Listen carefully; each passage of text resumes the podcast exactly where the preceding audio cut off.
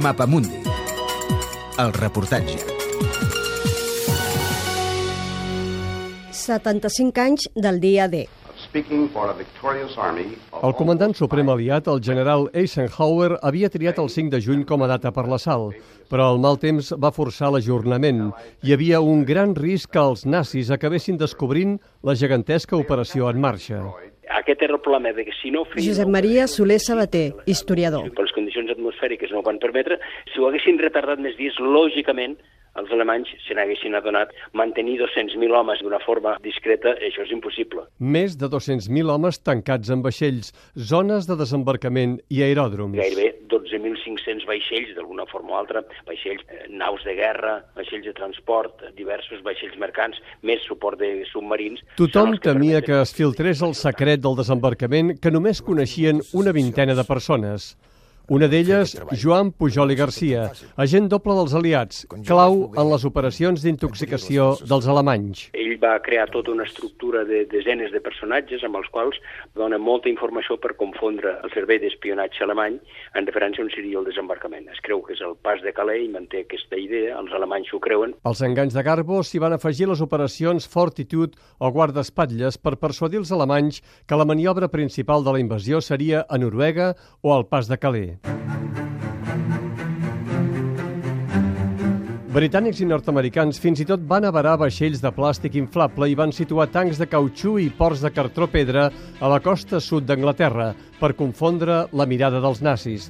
Estratagemes amb antecedents a la Guerra Civil Espanyola.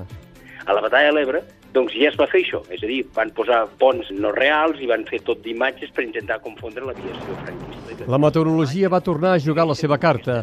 La previsió dolenta va fer descartar una invasió als alemanys, però el temps no era l'únic factor que comptava per poder desembarcar. Tot estava en funció també de les marees. Llavors van esperar que els vents fossin favorables de mar cap a terra, al qual ajudaria, diguem, a les llanxes que es van fabricar especialment per al desembarcament, i a més a més que fos una marea baixa. Lluna plena, llargues hores de llum diurna, bona visibilitat per identificar platges i objectius, vent per esvair el fum dels bombardejos sobre la platja, un mar tranquil que no manegés la tropa, una confluència d'elements pràcticament impossible. No era segur, eh? el desembarc no era segur que fos factible de fer. Els meteoròlegs van convenir que la matinada del dia 6 reuniria les condicions mínimes.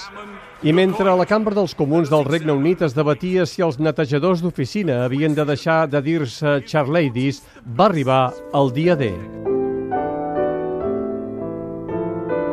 Lluny de Normandia, el refugi alpí de Hitler a Berchtesgaden hi regnava la calma.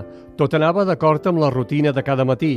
El Führer havia passat mala nit, però en aquells moments dormia sota els efectes d'un somnífer i ningú va gosar despertar-lo quan els comandants van demanar el seu permís per atacar. Quan una autoritat és tan absolutament, extraordinàriament poderosa que ho controla tot, la gent no té iniciativa pròpia. I les persones que haguessin pogut tenir iniciativa pròpia, com Rommel, per exemple, que era el gran almirall, diguem, de totes les divisions Panzer, cuirassades, estava celebrant l'aniversari de la seva esposa alemanya. Sobre el terreny, només una divisió de tancs alemanys va participar en la contraofensiva dels aliats. El desembarcament de Normandia va ser clau per derrotar l'Alemanya nazi. El front occidental és clau, absolutament, perquè, en certa forma, l'entrada a França és un òrgan fonamental per poder intervenir ja directament després cap a Alemanya, cap a anar al cor, diguem, d'on hi havia tota la capacitat bèl·lica més productiva per part d'Alemanya. El dia D va ser la sala amfibi més gran de la història de la humanitat. 156.000 soldats van travessar el canal de la Mànega en només 24 hores.